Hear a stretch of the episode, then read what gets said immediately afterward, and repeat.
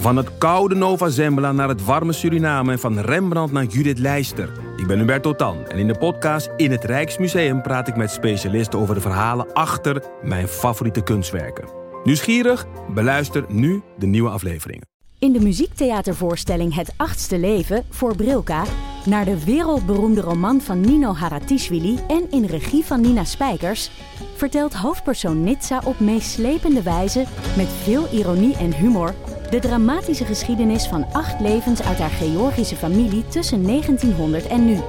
Een hartverscheurend en tegelijk troostrijk drama verteld vanuit het perspectief van vrouwen uit verschillende generaties waarbij het publiek meegenomen wordt op een emotionele, visuele en muzikale reis door de 20ste eeuw. Koop je tickets voor het achtste leven via oostpol.nl. Dag lieve geschiedenislovers en mensen die denken van ja, ja, geschiedenis, whatever. Maar die dit dan sowieso toch een hele interessante aflevering gaan vinden. Welkom bij Damn Marnie.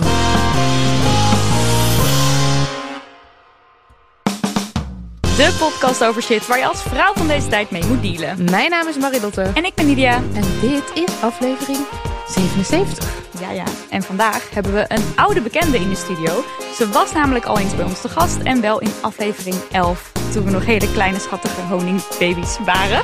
Way En- back. Way back, ja. Toen hadden we het over vrouwen in de wetenschap. En het is historicus en auteur Suze Zelstra. Hallo! Welkom! Dankjewel. Ja. Hallo. In, eh, in aflevering 11 vertelde je al dat je bezig was met een zoektocht naar je eigen Europese Aziatische voormoeders. Eh, en dat was nogal een klus. Ik weet nog dat we dat allebei dachten. Wat een klus. Dat dacht ik Eh, ook. Want in de geschiedschrijving van de VOC staan nog altijd de Europese mannen centraal. Terwijl de veelal tot slaaf gemaakte Aziatische vrouwen, eh, die een cruciale rol speelden, nauwelijks ter sprake komen. Ja, en toch heb je het geprobeerd om alle feiten op tafel te krijgen. En heel veel feiten heb je ook op tafel gekregen. En daar heb je dus nu een prachtig boek over geschreven. namelijk De Voormoeders.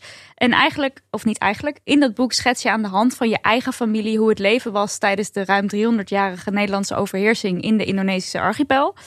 En wij vroegen ons af, het boek is er, ben jij er nog na die monsterklus? Nou, ik bedacht me wel zo deze dagen zo van had iemand me niet kunnen waarschuwen dat je zeg maar na het boek op een gegeven moment mega moe bent. Dat zullen jullie wel weten.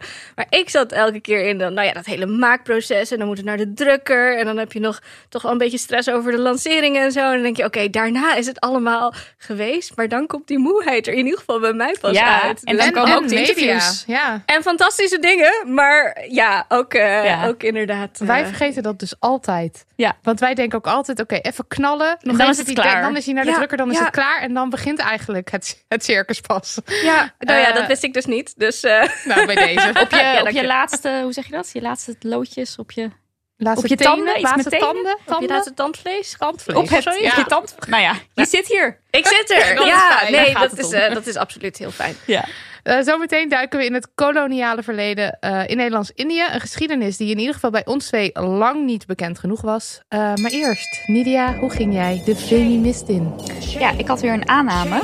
Ik zit vol met aannames, Ja, dat blijkt heerlijk. alweer. Heerlijk. Oké, ik heb dus een tijd geleden een vrouw ontmoet. In een situatie maakt verder niet zo heel veel uit. En ik betrapte mij er afgelopen weekend op dat ik er gewoon van uitging dat zij een man en twee kinderen thuis op de bank heeft zitten. Terwijl daar echt volgens mij, ik weet dus niet helemaal zeker, maar volgens mij is het echt nergens op berust, deze aanname.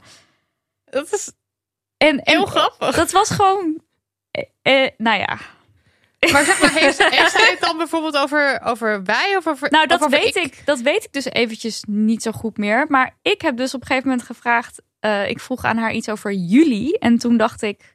Hmm. "Huh, maar is er wel eigenlijk een juli? En wat verschrikkelijk dat ik die aanname gewoon maar weer maak. Van, oh, je bent, ja, nou ja.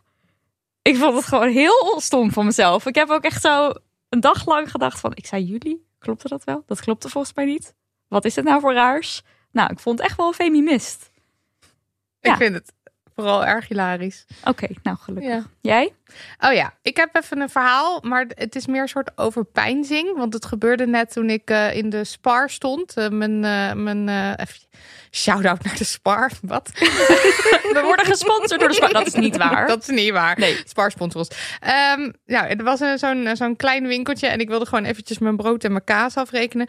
En er stond een, een man, man voor me, voor zeg maar die balie, samen met een collega. En hij net een broodje besteld bij die meiden achter de balie.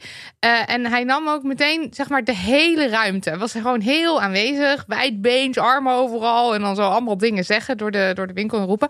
En het eerste wat ik hem hoor roepen uh, naar zijn collega, zeg maar, door de winkel heen is... Mijn oksels ruiken echt naar uien. Dus echt ook zo arm omhoog. Dus ik kwam meteen zo'n stapje terug van nou ja, oksels naar en, en echt nog geen seconde later leunt hij tegen de balie. En uh, gaat hij zo met die, meid, met die meid praten die dus zijn broodje aan het, aan het klaarmaken is. En dan zit hij van, uh, jij bent zeker de allerbeste broodjes of niet? En toen dacht ik... Flirten. Hoe, ja, hoe kan je seconde één zeg maar nog roepen hoe erg je stinkt. En seconde twee dan nog zeg maar bezig zijn met vrouwen versieren zeg maar. En dan, en dan zit ik daar, ik stond daar soort van oogrrollend bij. Uh, maar het is meer dat ik dan denk, oké, okay, deze man neemt zoveel ruimtes en zo schaamteloos. En dan ben ik hier me drukmakend altijd over of ik stink, weet je wel. En dan zo de hele tijd bezig zijn met, uh, nou, kut, mijn kleren stinken misschien naar zweet. Nou, al die middeltjes van in azijn en water en, en HG-spul kopen. En ik was toevallig met jou mee, Nidia, naar de Bever om de wonderbaarlijke, hoe heet het nou? Merino wol. Merino wol te vinden waar je blijkbaar niet in stinkt. En zeg maar, alles staat in het teken bij mij vaak van, als ik maar niet stink. En dit was deze man die was daar gewoon vrouwen Hij was te daar lekker gewoon stinkend. Ja, En toen dacht jij, was ik ook maar stinky? Of wat dacht je nou precies? ik dacht, had ik maar het zelfvertrouwen van een middelmatige Stinkende man. man. Ja. Nou, leuke overpeinzing. Ja, hè? en een leuke situatieschets Mhm. ook. Suze.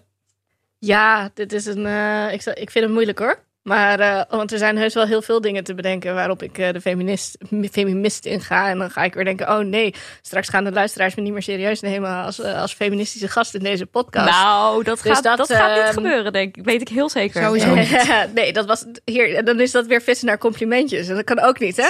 Anyway, ik dacht, ik, laat, ik klassiek, eh, laat ik klassiek het hebben over eh, eh, mijn thuissituatie. Waarin ik altijd heel trots ben dat ik niet degene ben die thuis kookt. En ik doe dan de afwas. En dan doet hij weer andere dingen in het huishouden, zoals de was. En die vouw ik dan weer op. Gaat allemaal heel harmonisch. Ehm, maar ik loop er wel steeds meer tegenaan dat hij altijd degene is die auto rijdt. Ik weet dat het hier in een podcast al eerder over is gegaan. ja, dat klopt. Sexy. Eh, het is zo, zo cliché, maar binnenkort gaan we weer een paar dagen weg. En dan, eh, en dan nou ja, ik heb ondertussen door, in de loop der jaren ook een soort van rijangst erdoor ontwikkeld. Oh, omdat ja. ik gewoon best wel lang dan zeg maar hier in Amsterdam geen auto had. En toen hier eenmaal was, toen was hij altijd beter. En dan laat je dat ook eigenlijk stiekem heel graag aan hem over. Omdat ik er ook gewoon moe van word. En dan alle, alle, alle dingen komen op me af dan en zo. Ehm, dus het punt, het, het punt van het verhaal is dat ik dan nu denk van... Ah, maar ik, moet, ik, ik leg dan ook weer een soort van de druk op mezelf. Van, ik moet dat ook gewoon kunnen. Ja, en ik ben er nog niet wel. helemaal over uit of dat daadwerkelijk zo is dat ik het moet kunnen. Of dat ik een soort van zou moeten zeggen van ja, maar misschien is dit gewoon niks voor mij. Ja, Ja, want of je Dus- dan dus op zoek bent naar dat je een soort plaatje wil vullen van oké, maar als, als feminist moet ik wel gewoon eh, zelf ook kunnen houden. Ja, Terwijl, nou ja, why? ik kan, althans, ik heb een rijbewijs. Mhm, Dus, ja, maar moet ik dat ook doen dan precies. of zo? Ja. Ja, en dat Ja. ontwikkelen van eh, rijangst, dat hoor ik ook echt wel veel van vriendinnen Ik die dan ook. partners hebben die rijden. Ja, eh, Ja. Nou ja, jullie kennen mijn verhaal dat ik dat zeg maar, ik vind het ook hartstikke handig dat Cato rijdt, want dat is dan zeg maar de, de man in dit verhaal die dan gewoon en eh, jouw, jouw angst klinkt ook heel erg als mijn angst, omdat je gewoon de hele tijd, je moet de hele tijd geconcentreerd zijn achter het. Ik vind er ook geen in de bal aan en ik heb mijn rijbewijs niet eens gehaald. Eh, ik kan me gewoon heel erg goed voorstellen. En waarom zou het misschien niks, gewoon niks voor je kunnen zijn? Ja, nou ja, dat was dus ook mijn vraag. dus maar ik ben er nog niet helemaal over uit. Dus, Ja. ja. Ben benieuwd. Tijd voor post. Tijd voor post. voor post. Een leuk bericht van Elze. Hey lieve meiden, wat geniet ik van jullie podcast. Ik ben wat afleveringen aan het inhalen en luisterde met net nummer 67, die met Milo Freeman. In de Damn Honey Yes kwam verzetsvrouw Jacoba van Tongeren voorbij. Ik vond de aandacht van de NOS voor vrouwen in het verzet ook erg goed en belangrijk. Dit was uh, rondom Bevrijdingsdag. Toevallig had ik kort daarvoor ontdekt dat er een queer verzetsvrouw bestond. Haar naam is Frida Belinfante en toen ik haar foto toen ik haar foto waarop zij in herenkostuum te zien is zag, wilde ik meer over haar weten. Ik las het boek Een schitterend vergeten leven van Tony Bouwmans. En nu dacht ik dat jullie dit misschien wel wilden weten, want deze vrouw gooide aardig wat gendernormen overboord. En daar houden wij feministen toch van. Anyway, keep up the good work en een dikke honingzoen van mij. Dus wij natuurlijk meteen erin duiken in Frida Belinfante. Ja, en meteen het boek besteld. Ja. wilde ook, meteen, wilde ook meteen het boek bestellen. Oh, je hebt het nog niet besteld. Ik wel. Zegt de naam Frida Belinfante jou iets? Ik moet eerlijk zeggen van niet. Nee, nee. oké. ja, nou ja, het is ook niet dat ik verwacht dat je als historicus dan maar iedere vrouw uit de geschiedenis kent. Nee, maar misschien dat was het niet. Maar de kans dat je een mannennaam kent is wel een stukje groter. Ja, ja. ja. Nou, nou, ik uh, kan niet wachten op het verslinden van dit boek. Ja, zin om het te lezen. Oké, okay. Uh, jij gaat het meenemen op vakantie, toch? Is ja, dat het idee? En dus deze, deze podcast komt uit op het moment dat ik net terug ben van vakantie. Dus dan kan ik jou alles vertellen over Frida Willemvan. Dan heb je het al uit tegen de Ja. tijd dat de mensen dit luisteren. Ja. Het poststuk. Hallo, hallo, Nidia en Marilotte. En Suze. Dat wist deze schrijver niet, maar goed. Uiteraard. En Suze. Hoi. Een goede vriendin van mij, laten we haar Eva noemen, heeft op de wc-deur in haar studentenhuis krijtverf gesmeerd en daarop kun je wat schrijven als je op het toilet zit. Vanwege mijn prikkelbare darmsyndroom moet ik helaas nogal vaak, dus ben altijd erg blij met wat vermaak. Haha. Recent ontving ik een Snapchat van haar dat ze iets nieuws op deze deur hadden geïntroduceerd. Een lijst van celebrities met daarboven People with Punchable Faces. Op het eerste gezicht grappig, want wie vindt nou niet dat Donald Trump of Jordan Peterson een stomp verdienen? Maar nu wil het dat zij niet op deze lijst staan. Integendeel, op de lijst staan alleen maar vrouwen. Vrouwen die maatschappelijk gezien als aantrekkelijk worden beschouwd en ook succesvol zijn. Ik moet eerlijk bekennen dat ik me niet alle namen op de lijst herinner, maar twee namen die ik wel heb onthouden zijn de TikTok-bekendheid Addison Ray, ik hoop dat ik het goed zeg, en actrice Joey King. In onze Snapchat-groep werd deze lijst met lof ontvangen, want de meesten konden zich hier wel in vinden. Maar ik vond hem zelf wat naar. Ik snapte niet waarom het grappig was om deze succesvolle vrouwen punchable te noemen. Omdat ik niet wist of ik gerechtvaardigd was in dit afpoedinggevoel, legde ik deze situatie eerst aan mijn vriendin, dus niet Eva, voor, die het met mij eens was. Maar ook niet zo goed wist waar het hem precies in zat en hoe en of, of ik het met eh, Eva zou moeten bespreken. Ik kan het gewoon niet van me afzetten dat het uitsluitend succesvolle vrouwen zijn. En deze vrouwen hebben, voor zover ik weet, geen hele haatdragende politieke ideologieën of zo. Wat ze nog steeds niet punchable zou maken, natuurlijk. Maar dan had ik het misschien beter kunnen begrijpen. Nu vroeg ik me af wat jullie hiervan vinden. En ook of ik misschien de conversatie hierover moet openen. En zo ja, hoe dan? Eva zelf is wel progressief, maar niet zo activistisch. En we hebben nooit echt gesprekken over iets als vrouwenrechten. Zelf zit ze, net als ik overigens, in een positie met veel privilege. Dus ik heb het gevoel dat ze er nooit echt over na heeft hoeven denken. En dus ook niet zou inzien dat zo'n lijst niet per se bevorderlijk is. Daarbij is het überhaupt aan mij, een cisman, om hierover met haar in gesprek te gaan. Ik wil wel, maar het voelt ook naar om een vrouw als het ware de les te lezen over haar omgang met andere vrouwen. Hoe zou ik dit kunnen benaderen? Lekker linkse groetjes. Leuk. Wat een situatie. Ja. Ja, ik, eh, bij zoiets denk ik, had het meteen gezegd, maar dat heb je niet gedaan. En daardoor wordt het al meteen Mm. alweer een soort van zo beladen als je dan nog gaat zeggen van, oh ja, en trouwens. Maar ik dacht wel, kijk, hij zit daar de hele tijd op de wc. En dan kan je toch een keertje als je vers van de wc komt zeggen... trouwens, ik heb net, ik heb zat naar die, naar die lijst te staren en opeens dacht ik dit. Dan is het een vrij... Je kan ook de hele lijst omgooien. Ja, je kan de hele lijst aanvullen met mannen. Ja, gewoon al die vrouwen weer weghalen. En oh, er was mannen... het een krijtding? Oh Ja, ja, het was een krijtding. Ja, dan kan je gewoon zeggen, ik vond het tijd dat de lijst werd ververst. Ja. Toch? Ja, het ligt eraan wat je, of je uiteindelijk ook het, een punt wil maken dat, dat dit de achterliggende reden is voor de verversing van de, Ja, van de ja. lijst. Ja, Ik kan me voorstellen dat je dat uiteindelijk dan denkt van oké, dit is een charmante oplossing. eh, we gaan even een ander eh, beeld neerzetten. Maar als je het wel zou willen bespreken, dan, dan is dat dan niet het enige misschien. Of dat je dat dan aangrijpt als een Mhm. soort van... ja, ik voelde me toch zelf een beetje ongemakkelijk bij... eh, Want lijst. geweld tegen ja. vrouwen is niet Precies. echt per se een heel grappig onderwerp. Misschien. Misschien. Ja, Ja. zoiets. Eh, Ja. want ik bedoel, je kan, als je het bij jezelf houdt van wat, wat jij daarover voelt... eh, dan, Kan het wel, toch? Altijd een dan goed lijkt idee. het me Ja. wel iets om eventueel in ieder geval een beetje ter sprake te brengen. Ja. Maar ik snap dat het lastig is. ja, en ik denk ook het idee over de les lezen. Dat ligt er natuurlijk zo aan hoe je het Mm. zegt. Want inderdaad, als je het bij jezelf houdt, zoals jij net zegt, Suze, dan is het niet de les lezen. Dan is het gewoon van, oeh, ik had er echt een ongemakkelijk gevoel bij. En hoezo hebben die vrouwen dan eigenlijk een punchable face? En dan als mensen Ja. misschien een beetje moeten uitleggen dat het ook weer wat bloot gaat leggen. Ja, en als je benoemt dat het alleen maar vrouwen zijn, is dat ook al best wel. En, Hey. ik, en specifiek toch vrouwen die dus die dan toch heel succesvol zijn, maar ook een soort heel in het schoonheids. Ik ken ze niet hoor, maar die heel Ja, erg in het ja. schoonheidsideaal vallen of zo. Ja, eh, ja dat, dat, tenminste, ik ken Addison Ray wel en die, of die zie ik wel eens langskomen op TikTok. Dus die is gewoon heel, die past erg in het schoonheidsideaal. Ja. En ik denk, maar het is dus ook, ik, ik vraag me dan af, als je, als je zou vragen aan ze, eh, waarom eigenlijk deze vrouwen, dat ze, ik ben dan benieuwd wat het antwoord is. Want zou dat dan zijn eh, gewoon irritant of zo? Mm. Ja, Of want kennelijk zou- viel het goed in die Snapchat. eh, Ja, en dan ben ik, ben, zeg maar, want op het moment dat je dat gesprek opent en als iemand zegt gewoon irritant, dan zou je je wel, ja, ik hoor mezelf ook nog wel eens zeggen bij als ik als ik, en dat zijn bijna altijd vrouwen van Jezus, die is echt irritant of zo. En, en dan denk ik, wow, oké, dit is echt omdat, omdat deze persoon een vrouw is, dat ik, Ja. dat ik dit nu vind.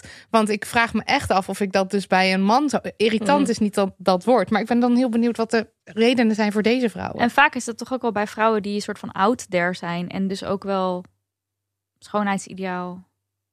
Dat irritant. Ik, ik weet nog dat een collega een keer zei: Oh, Merel, de zangeres.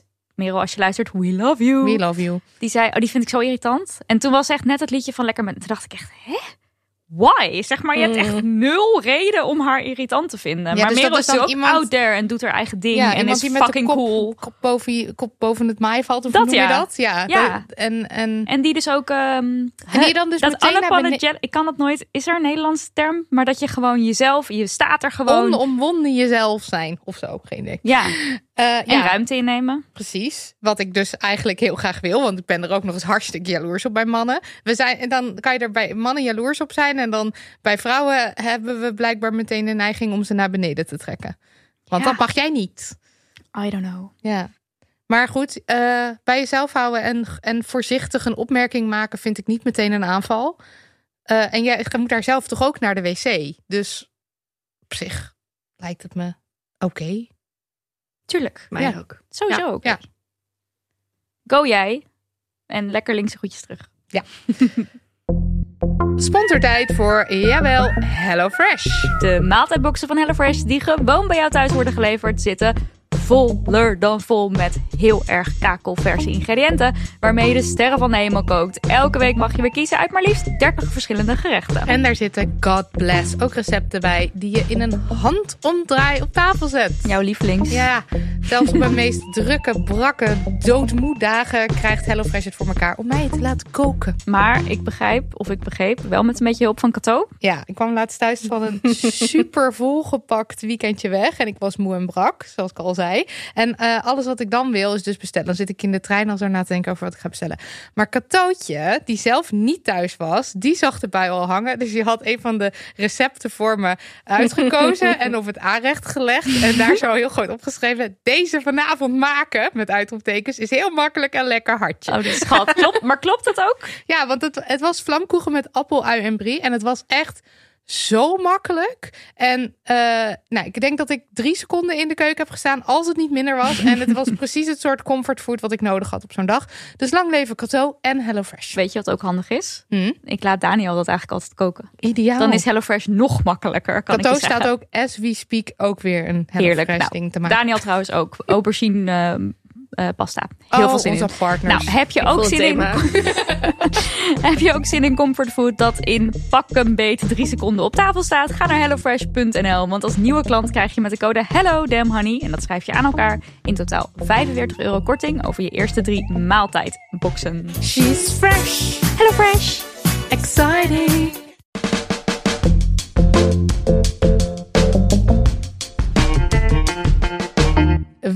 Moeten het even hebben over geschiedenis. En dan specifiek over een deel van de Nederlandse geschiedenis waar, we, waar we maar weinig over weten. Namelijk het koloniale verleden in Nederlands-Indië.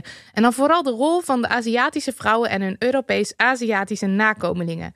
In alles wat wij ooit over de VOC leerden, stonden de Europese mannen centraal. En bovendien werd de VOC opgehemeld, terwijl het eerder een zwarte bladzijde uit de Nederlandse geschiedenis is. Over de vrouwen uit dit deel van de geschiedenis was maar weinig bekend. Maar dankzij jouw speurwerk, Suze, kunnen we het er nu toch over hebben. Want jij dook in je eigen familiegeschiedenis in de archieven.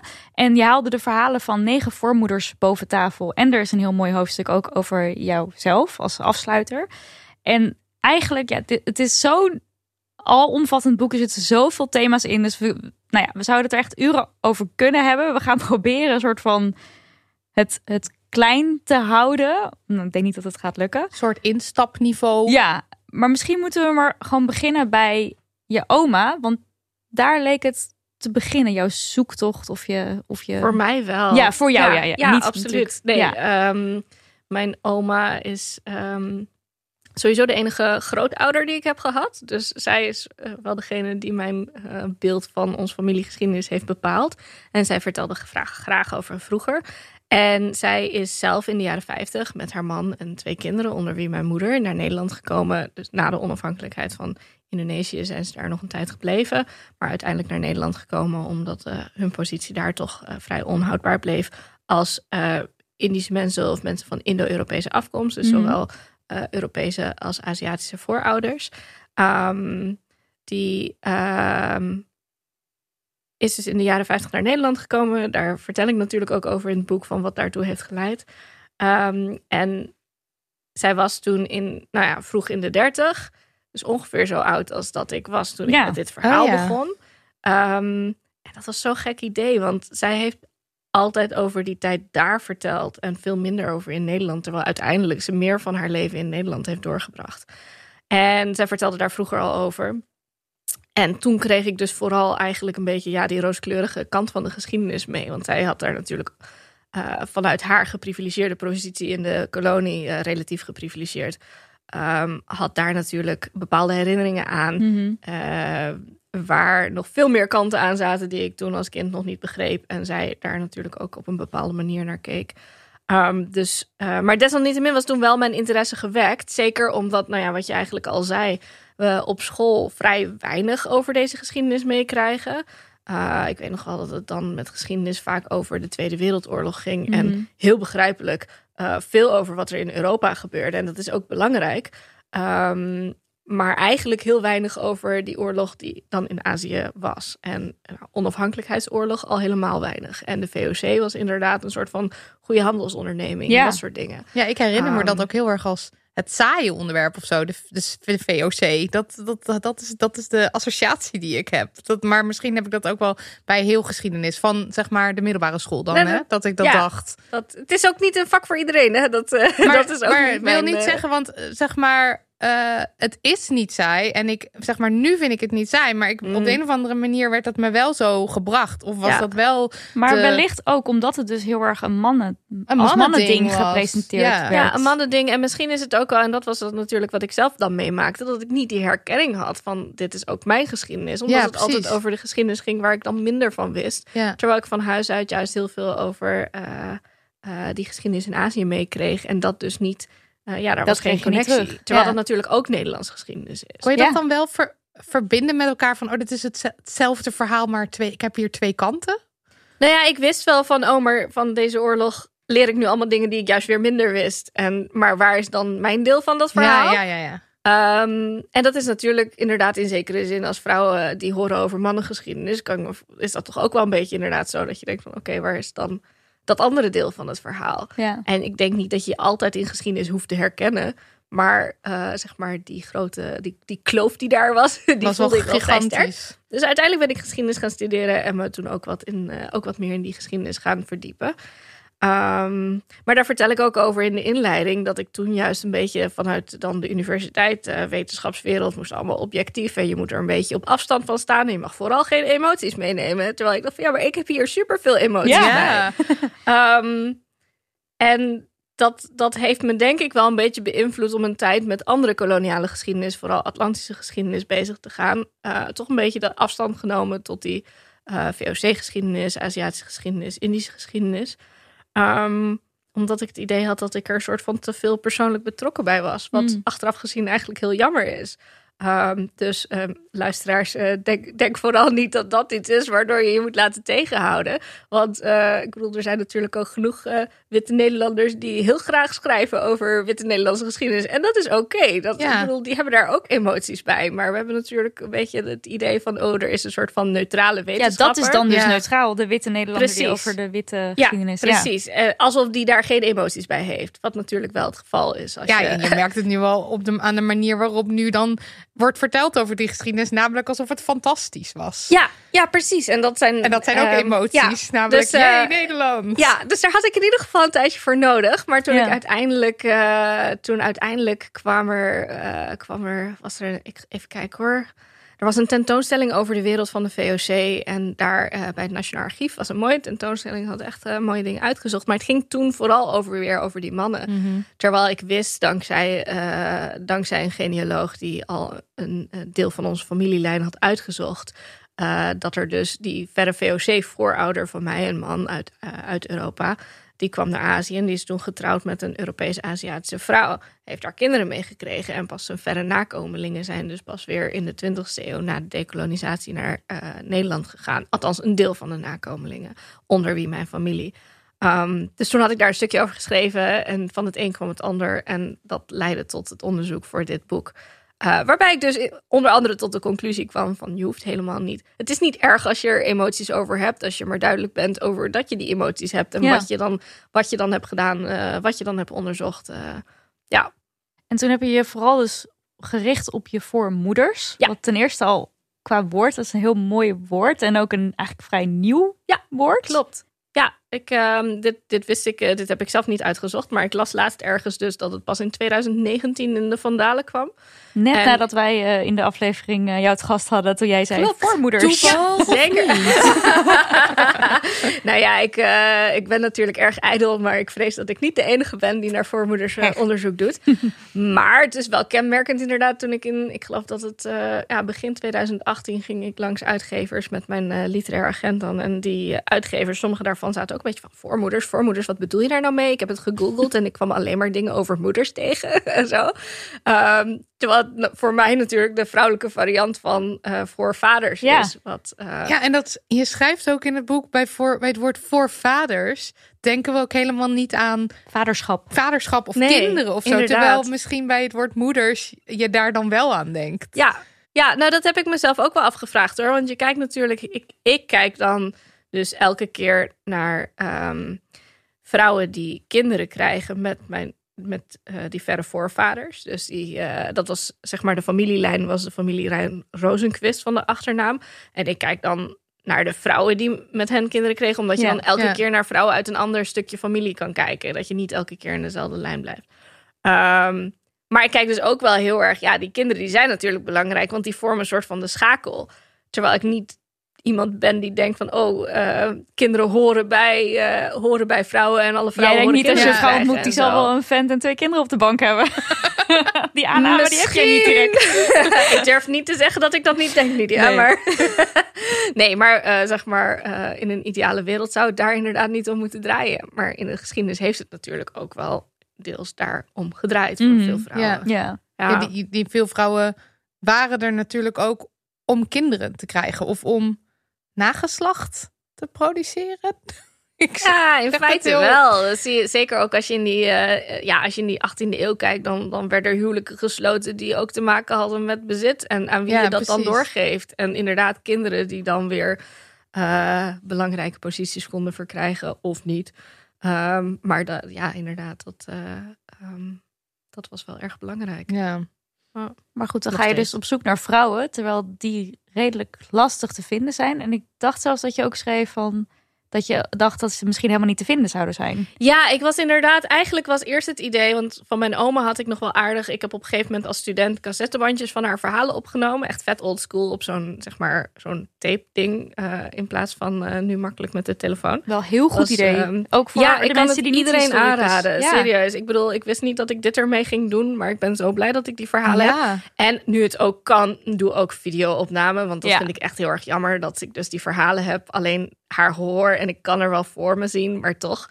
Ik had ook Ja. wel graag van dat be- bewegend beeld erbij gehad. Dus eh, neem, grijp je kans als je die gelegenheid hebt. En misschien niet grootouders, maar misschien oud-tantes of een oude Mhm. buur. Of eh, het hoeft natuurlijk niet eh, ehm, de, de directe voorouders te zijn, wat dat betreft. Ehm, dus ik dacht dat het vooral over mijn oma zou gaan. En dat dan die voormoeders, die ik al kende vanwege die stamboom die was uitgezocht, wist ik de namen van die vrouwen. Eh, van een aantal van de vrouwen in ieder geval. Dacht ik van, nou ja, dan ga ik in ieder geval over de 18e eeuw iets vertellen over hoe het voor vrouwen in die tijd was Mhm. geweest. Ehm, als een soort van kleine uitstapjes vanaf dat leven van mijn oma. Maar toen ging ik het archief in eh, van de VOC, 18e eeuw. En toen eh, vanaf de, wat stukken opvragen uit de plaats waar zij dan zouden hebben gewoond, een beetje gebladerd. En toen kwam ik er op een gegeven moment achter dat, eh, dat ik een aantal in ieder geval van de voorvaders kon vinden. Dus iets meer kon zeggen over de sociale positie van de voormoeders die met hen trouwden. Mhm. Maar gaandeweg kwam ik ook een aantal van die vrouwen tegen. En dat onderzoek dat dijde dus een beetje uit. En toen dacht ik van ja, maar het is eigenlijk misschien nog wel interessanter om naar die verschillende generaties te kijken. En zeker ook vanaf die VOC-tijd tot nu terug te, eh, tot nu te gaan. Uh, ik denk, er is natuurlijk al ontzettend veel geschreven over deze geschiedenis. Uh, meer of minder toegankelijk. Ja. Um, en ik denk dat er dan met name de nadruk ligt op de 20e eeuw.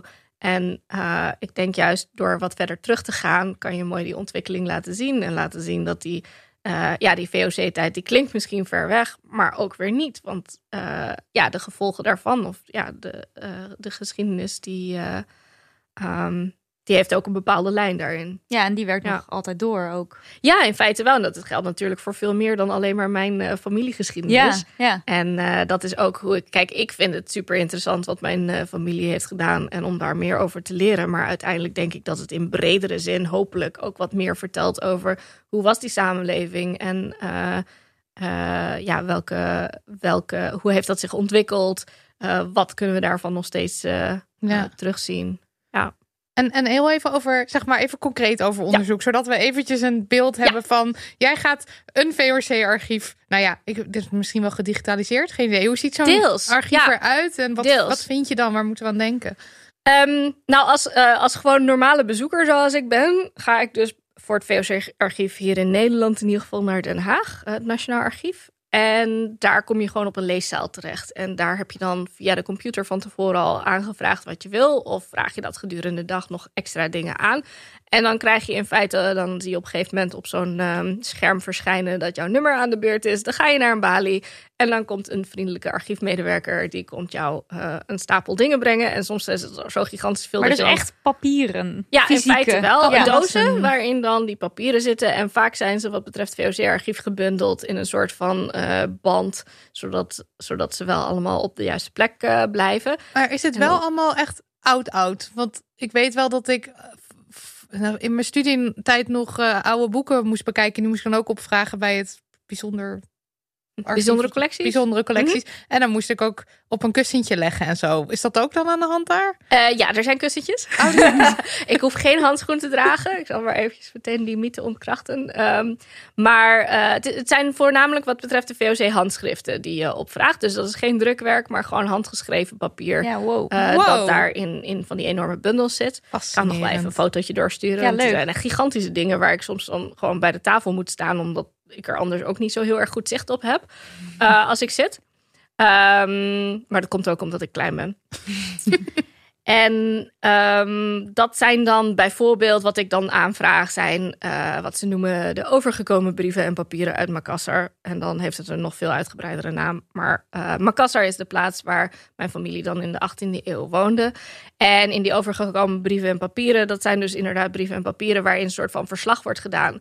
En uh, het VOC-archief is in feite uh, een bedrijfsarchief van de compagnie, de Verenigde Oost-Indische Compagnie. waar men verslag moest doen om ervoor te zorgen dat het allemaal uh, voor in ieder geval de compagnie zo goed mogelijk verliep. Dus daar moet verantwoording worden afgedragen. Daar moet uh, worden aangegeven wat er welke dag is gebeurd en, en dat soort dingen. Niet alles werd naar Nederland gestuurd. Sommige dingen bleven dan in het VOC-hoofdkwartier Batavia, wat Jakarta uh, tegenwoordig natuurlijk is. Um, dus uh, nou ja, gigantisch veel archief is dus ook nog in Indonesië. Daar ben ik dan zelf niet geweest omwille van tijd, middelen, budget, uh, reizenmogelijkheden. Um, ik ben wel naar Indonesië geweest, maar toen heb ik meer de plekken opgezocht die voor dit boek relevant waren. Um, maar goed, dat heb je, dan heb je dus zo'n stapel voor je. En dan kan je daar een beetje doorheen bladeren om een soort van een indruk te krijgen van die tijd. En dan um, uh, soms dan zoek ik heel gericht omdat ik weet dat ergens bijvoorbeeld een belastingoverzicht gevonden moet kunnen worden. Omdat dan een andere onderzoeker dat al in hun werk heeft oh, geciteerd. Ja. Mm. Dus dat heeft mij erg veel geholpen. Um, um, dat heeft mij veel geholpen en dat probeer ik dan ook in die verantwoording af te aan te geven van oh, dit heb ik via deze gevonden. Uh, kan niet overal, maar ik bedoel, ik ben niet de enige die dit, uh, dit soort onderzoek mm -hmm. doet. En dat vind ik wel belangrijk om, uh, om aan te geven. En dan heb je zo'n belastingoverzicht wat je bijvoorbeeld, waar je bijvoorbeeld dan de vader van een van de voormoeders kan vinden, die dan wel veel geld heeft. En dan weet je van, oh, dan woonden ze dus in die straat. En um, dan kan je daar weer verder mee gaan zoeken met een kaart van de, van de plaats en dat soort, uh, dat soort dingen.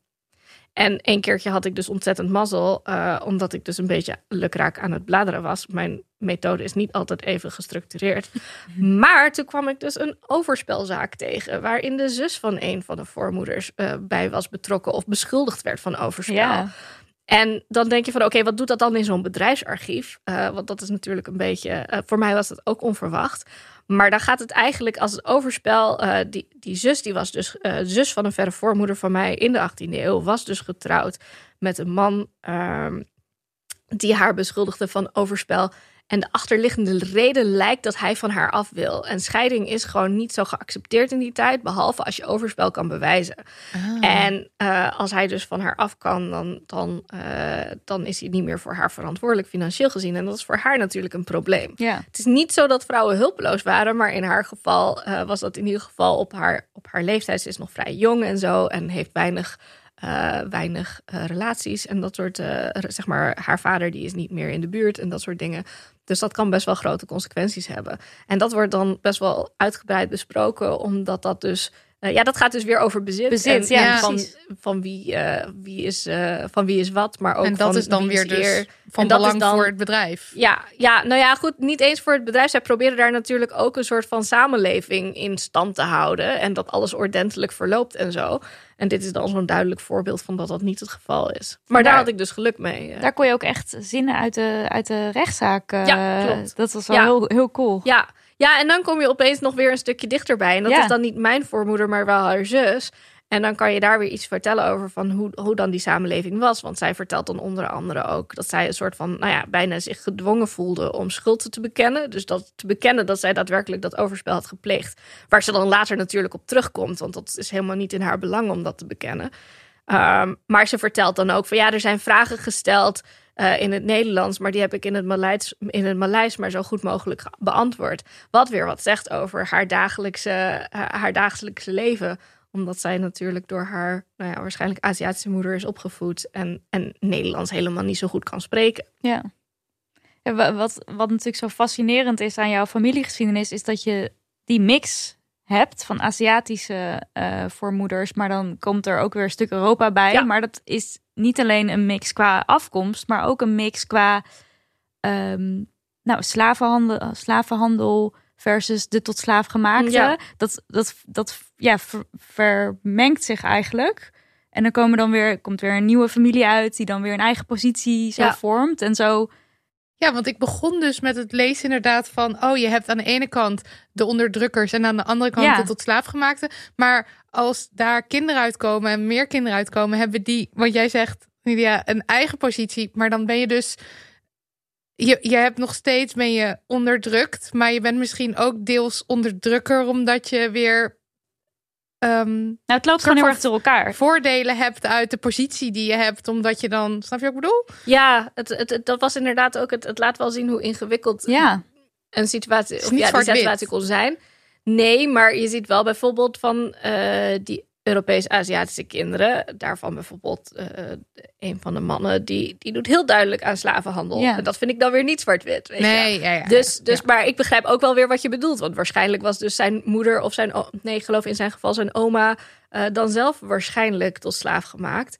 En dat laat inderdaad zien... ehm, ehm, dat je in ieder geval... Dat er, dat, er, dat er inderdaad meer is dan alleen maar die Europese groep... en die Aziatische Ja. groep. Ja, omdat het zo door elkaar loopt. Ehm, en dat eh, ja, maakt het een ingewikkelde, maar ook denk ik belangrijke geschiedenis om te vertellen van dat, eh, dat die kanten eraan zitten. En in dit geval gaat het, in mijn geval van mijn familie, wat ik natuurlijk ook eh, in het boek over heb, gaat het dus over eh, Europeanen die kinderen krijgen met Aziatische vrouwen, al dan niet in hun bezit. Want Ja. ik weet Ja, dat want ook dat is niet ook altijd niet- zeker. precies. Mhm. Want dat schrijf je ook gewoon heel ja. duidelijk op van...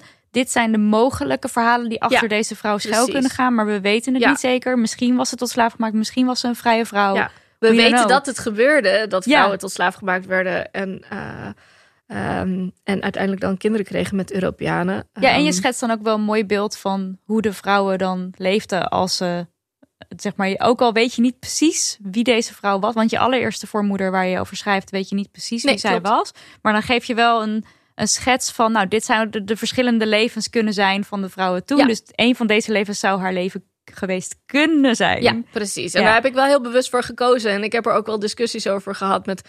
Ah, nu moet je even af en toe even iets duidelijker zijn, weet je wel. Maak, vertel dat verhaal gewoon. Maar ik denk van ja, maar het gaat er juist om... dat de meest gemarginaliseerde vrouwen het minst goed vindbaar zijn. Ja. ja. En dat wil ik graag laten zien. Dat ik dus wel weet dat er waarschijnlijk een Aziatische voormoeder is geweest. Ehm, dat ik vermoed dat ze dus in slavernij was aangevoerd. Omdat eh, de man met wie ze kinderen kreeg... eh, eh, mensen in zijn bezit had, eh, hield. En, ehm, en nou ja, er zijn nog wel wat aanwijzingen. Maar zeker weet ik het niet. En dat is juist deel van het verhaal naar mijn Ja. En ehm, nog eventjes, die kinderen die dan, die in mijn geval dan ervan komen, die worden dus door de Europese vader geadopteerd en een soort van in dat Europese systeem opgenomen.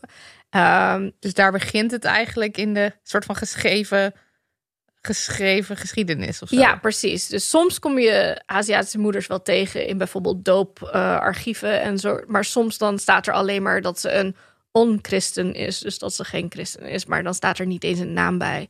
Ehm, en van mijn specifieke voormoeders waarover ik schrijf, heb ik dus niet dergelijke eh, records kunnen vinden, omdat die er überhaupt niet waren uit die tijd. Ehm, maar dat maakt het. eh, dat maakt het ingewikkeld, maar ook uitdagend om dan toch te proberen daar iets over te vertellen. Want het is niet zo dat we over vrouwen zoals wij, zij, niks weten. Alleen dan gebruik ik dus verhalen van het zou zo kunnen zijn, zoals deze vrouw die we hier vinden. En dan gebruik ik wat voorbeelden om eh, toch proberen zo'n beeld te schetsen van wat het zou kunnen zijn geweest. En dit is natuurlijk niet te doen. Maar als je één van de voormoeders Ah. zou willen uitlichten. Oeh, Ja, kiezen is natuurlijk niet. Je kan ook een paar. Kiezen is voorbeelden onmogelijk. geven, maar, maar- waar ik wel vaak ehm, mensen op hoor aangaan, is eh, de voormoeder Jacomina Fai. Ja, Ja, Ja, die vond ik ook wel. dat is eh, een, een, een- Ja, eigenlijk is zij gewoon als meisje getrouwd, want ze was 13. Ja. Ehm, en ze is dan getrouwd met een, een jonge man die. Poeh, ik geloof 19 was, 17 of 19. Niet een ontzettend oude man, maar ik bedoel eh, ook, niet, eh, ook niet zo jong als zij. En zij heeft dus op haar veertiende haar eerste kind gekregen. En uiteindelijk in haar leven 25 kinderen gekregen. ja dat is Ja. echt onvoorstelbaar. Althans, eh, en waarschijnlijk, ja, ik kan me, ik kan me nu niet eens, nee, ik kan me inderdaad niet bij voorstellen. Ehm, maar zij zal dus elk jaar zwanger zijn geweest. Ja. En ik heb het, ik bedoel, je gaat het even narekenen van kan dat wel? Ja, in principe zou, in principe kan dat. Maar eh, ik kan me ook, eh, het is waarschijnlijk dat sommige kinderen eh, niet, niet volwassen zijn geweest of al vroeg zijn overleden, want ik heb ze ook niet allemaal kunnen vinden. Maar ehm, Maar hoe weet je dan dat het er 25 waren? ja, dat staat dus in verschillende krantenadvertenties. Als een soort van... Celebration. eh, celebration. oh, maar van- elk kind ja, staat daar weer. Niet Nee, nee, nee. elk kind, maar dan staat er op een gegeven moment geloof ik... dan zijn ze eh, een x aantal jaar getrouwd en dan dit huwelijk heeft zoveel Oh, dat er een kinderen. lijst- voor. Ja, oh, nou, het heeft geen 25 lijst van kinderen namen, voortgebracht. Maar meer van Zo. dat is Ja, 25 ja, ja, ja, kinderen. ja. Ja, want mijn vriend die vroeg meteen, waren er dan ook tweelingen? Maar dat soort feitjes, die kan je dus niet Nee, altijd helaas. vinden. Nee. Je weet maar dus door alleen, dat er zou zijn kunnen. 25 Ik weet dat kinderen. er 25 Ja, zijn. door die en het zou advertentie. kunnen dat er twee... Ja, Ja. En wat voor een leven had zij? Welke, welk jaar hebben we het dan nu We over? zitten nu rond 1800 en eh, dat is ook het moment dat de familie vanaf eh, Makassar op het eiland Sulawesi eh, verhuist naar Java, eh, Oost-Java in het geval. Oh, en even Ehm. voor, de, voor het beeldvorming. Jouw, zeg maar, de onbekende voormoeder, dat is ongeveer rond... Ja, rond eh, 1700 denk ik. Dus 1700, we dus zitten de, zitten de 18e 100 eeuw, ja. echt die VOC-tijd, zitten we op, in Makassar op dat eiland Sulawesi. Ehm, en Makassar was dus eh, ge- ja, bezet door de VOC of in handen van de VOC eh, al eh, sinds de late 17e eeuw. Eventjes voor de, de context. Ja, en dan en mega slavenhandel ook. Want ik, Ja. ik schrok echt van die Veel. getallen weer. En dat is echt ook die on- onkunde van mij dat ik dat niet weet. Maar ik schrik elke keer weer als ik... En het wat- liep echt tot... De hoogschatting was een miljoen. Ja, in totaal. VOC-gebied. eh, meer, meer dan een miljoen. Ja. eh, maar niet dus alleen Makassar. Oh, dat, dacht zeg ik. maar. eh, Dat dacht dat, ik. Dat, was van, dat is het getal van de hele VOC. gebied. Het hele VOC. Ja, wat, wat Oh, nu aan verkeerd zijn. begrepen. Dan nog is het natuurlijk een enorm, Echt niet te overzien getal hoor. Ja. Maar ik dacht specifiek Makassar. inderdaad, we kunnen wel aan nou ja, aantal duizend mensen per jaar zijn ook wel vanuit Makassar zelf dan richting onder andere Batavia, waar ze Ja. dan door de VOC werden gekocht of door mensen eh, in privébezit werden gehouden of eh, geclaimd, of hoe je het eh, wil noemen. Ja. Maar dat was, ja, dat was omvangrijk. En Ja. de- dat is de 18e eeuw. En dan gaat de familie naar, in de 19e eeuw, begin 19e eeuw, naar Oost-Java. En dat, zeg maar, eind 18e eeuw is de VOC dan een soort van, ja, eigenlijk ten onder gegaan. Ehm, en dan op een gegeven moment, na een korte Engelse periode, zal ik niet te veel over uitweiden, ehm, wordt dit gebied geclaimd door het Nederlands Koninkrijk. eh, en wordt het dus Nederlands-Indië genoemd. Ja. En dan gaan we verder naar de 19e eeuw, waarin slavernij, eh, slavenhandel in de vroege 19e eeuw wordt afgeschaft. En dan in de loop van de 19e eeuw officieel slavernij ook wordt afgeschaft. Al eh, ehm, ehm, is dat in het ene gebied meer doorgevoerd dan in het andere gebied. Maar dan wordt er nog steeds wel goed gebruik gemaakt van vrij goedkope of eh, eh, arbeid van. Ja. eh, Hm. Ja, het de- deed mij gewoon ook heel erg denken aan deze tijd, waarin, waarin fast fashion in principe ook gemaakt wordt door mensen die je zou kunnen Met- zien als tot slaafgemaakte, als in op een andere wijze, maar wel flink misbruik maken van mensen die veel te weinig betaald krijgen. Ja, ik vind ik vooral dat Soort- laatste, want het is natuurlijk ja, Ja, sorry, de term is. Ja, ik zit niet zo goed in de, in de termen. Dat is natuurlijk Nee, heel gevoelig, dat snap ik. Ik, ik snap wel wat je bedoelt in de zin dat mensen dan, eh, zeg maar, als je het bijvoorbeeld vergelijkt met eh, mensen uit de 19e eeuw die niet in slavernij leefden, maar wel tegen een hongerloontje Mhm. eh, arbeid moesten verrichten, omdat ze inderdaad maar gewoon ergens van moesten leven. Eh, dat zie je natuurlijk nog steeds gebeuren. En, Ja. en dan heb je het over mensen die een beetje betaald krijgen. En er zijn natuurlijk ook mensen die helemaal niet betaald krijgen voor hun arbeid. En dan, Nee. dan zit je al natuurlijk wat meer richting eh, eh, ja, slavernij. Ja, of hoe je dat. Ja. ja, En gedwongen arbeid. hoe, want dan, ja, ik noemde net al van je komt er dan achter, oké, je, je stamt af van zowel de Europese onderdrukker als van tot slaaf gemaakt. Maar hoe rijm, hoe rijm je dat? Dus Hoe is dat? Als je dat dan ja, Ja, concludeert. Ja, dat is wel, ehm, dat is wel iets wat wel vaker wordt gevraagd. En dat heeft natuurlijk ook een beetje met die context van alle discussies over, over koloniale geschiedenis. Waarbij vaak, eh, als we nu tegenwoordig wat vaker zeggen van oké, dit, dit eh, wat in dit geval Nederland daar heeft gedaan, is echt, nou, het was een vreselijk systeem. En daar is ontzettend veel uitbuiting heeft daar plaatsgevonden. En wat, waar waren we nou mee bezig? Hmm. Eh, en, dan, en over dingen als slavernij en zo het hebben, dan, dan zijn er toch een aantal mensen die zeggen van ja, maar eh, wij hebben dat niet gedaan. Of onze voorouders hebben dat niet gedaan. Of er weinig van geprofiteerd. Of ik heb toch geen schuld aan wat mijn voorouders hebben gedaan. En dat laatste, dat, dat, eh, daar ben ik het in zekere zin wel mee eens. Want ja, ik, ik kan er niks aan veranderen wat mijn voorouders hebben gedaan.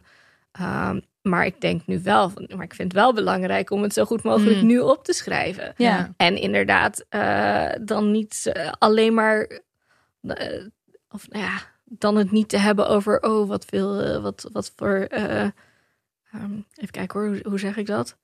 Eh, ja, do- door in ieder geval niet dingen weg te poetsen, weet je wel. Door, niet- door niet te zeggen van, oh, hij had een schip daar en daar deed hij handel mee. Maar het ook te hebben over welke Ja. handel deed hij Ja. dan. Ja. En de rol van de Ehm, vrouwen dan hierin? En de rol van de vrouwen ook daarvan te zeggen van goed, eh, zeker die Europees-Aziatische dochters die dan weer met VOC-mannen trouwden, ehm, die dan aan slavenhandel deden, ehm, die zullen waarschijnlijk ook wel hebben bijgedragen aan die handel die hun man dreef. Ja. Eh, en dan kan omdat je... we weten uit de geschiedenis dat, dat, er vaak, dat er bijvoorbeeld verschillende keren zijn er bijvoorbeeld weduwen te vinden die dan eh, zelf aan de slavenhandel eh, doen. En ja, die zullen waarschijnlijk daarvoor ook al een rol hebben gespeeld toen hun man nog leefde. Ja, ook Ja. Daar, dat schrijf je ook over bijvoorbeeld het regelen van eten. Of eh, Ja. zeg maar dat ze ook een, een ondersteunende Ja, rol hadden. ja precies. En, eh, en zelfs als dat niet zo was, dan, dan leefden ze ervan. Dus, Ja. En ehm, ja, dat, het, het is gewoon. eh, die vrouwen hadden een ingewikkelde positie, want die konden natuurlijk ook eh, minder. Die konden niet in dienst bij de compagnie en die, konden, die, die moesten op hun eigen manier proberen eh, te overleven in hun systeem. Ja, dus dan Maar kan dat je ook neemt niet- afvragen... En kun je het ze kwalijk nemen of zo? Ja, dat, dat vind ik dus altijd lastig. Ja. Omdat ik ook denk eh, van. Zeg maar, hoe zou ik het hebben gedaan? Ik weet het niet. Nee. Ehm, maar dat neemt niet weg dat het een vreselijk systeem is en dat mensen vreselijke dingen aan elkaar hebben aangedaan. Ja. En dat daar gradaties in zijn, dat, dat is zeker ook zo. Uh, maar het blijft, uh, blijft moeilijk. Um, dus nou ja, ik heb in ieder geval geprobeerd om zo, zo, um, zo goed mogelijk dat in ieder geval wel in kaart te brengen. En ook aan te geven wat die, wat die ongelijkheden dan waren en hoe dat, hoe dat werkte.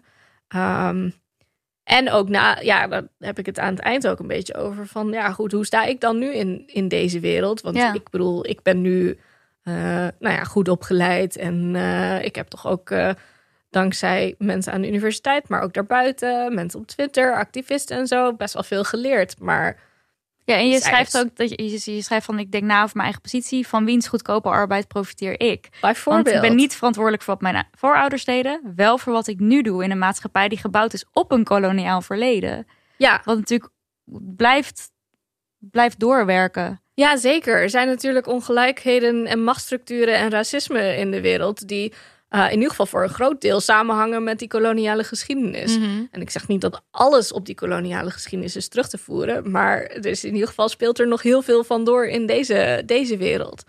Uh, maar tegelijkertijd denk ik ook van ja, maar goed, ik ben hier ook niet perfect, want ik heb inderdaad nog steeds. Uh, ik, ik weet wel welke keuzes goed zijn, maar ik kan ze niet altijd maken, want soms is het toch net even iets makkelijker om Ja. eventjes snel hier inderdaad een truitje te kopen. Ja, Of- en dan is dat op een bepaalde manier misschien wel weer vergelijkbaar met de positie van de vrouwen toen, die ook maar eh, leefden in een systeem en daar dan. Ja, en tegelijkertijd denk ik, ja, maar ik kan die keuze wel maken en ik doe het niet. Dus weet Ja. je wel, ik bedoel, dat, dat vrouwen Ja, en mensen hadden- konden dat vroeger ook. Ja, nee, dat is Dus, waar. eh, maar ik ben dus benieuwd ja. hoe, hoe, hoe men, historici, over, over 100 jaar misschien dat fast Dan weer over stel, ons praten. Stel, fast fashion bestaat dan niet meer. Ja, En of gewoon is- de, v- de bio-industrie. Ja, of, al nou die ja, dingen die die schaden. Ja. Of de wereld is beter. En als je dan terugkijkt en zegt, ja, nou ja, weet je, Dat kon leuk, niet. Marilotte, maar eh, die kocht wel gewoon de, die legging eh, in de aanbieding of zo. En Ja. de- die wist ook wel dat dat niet oké geproduceerd was. Of die had ook gewoon een keertje weer eh, kip of whatever. Ja.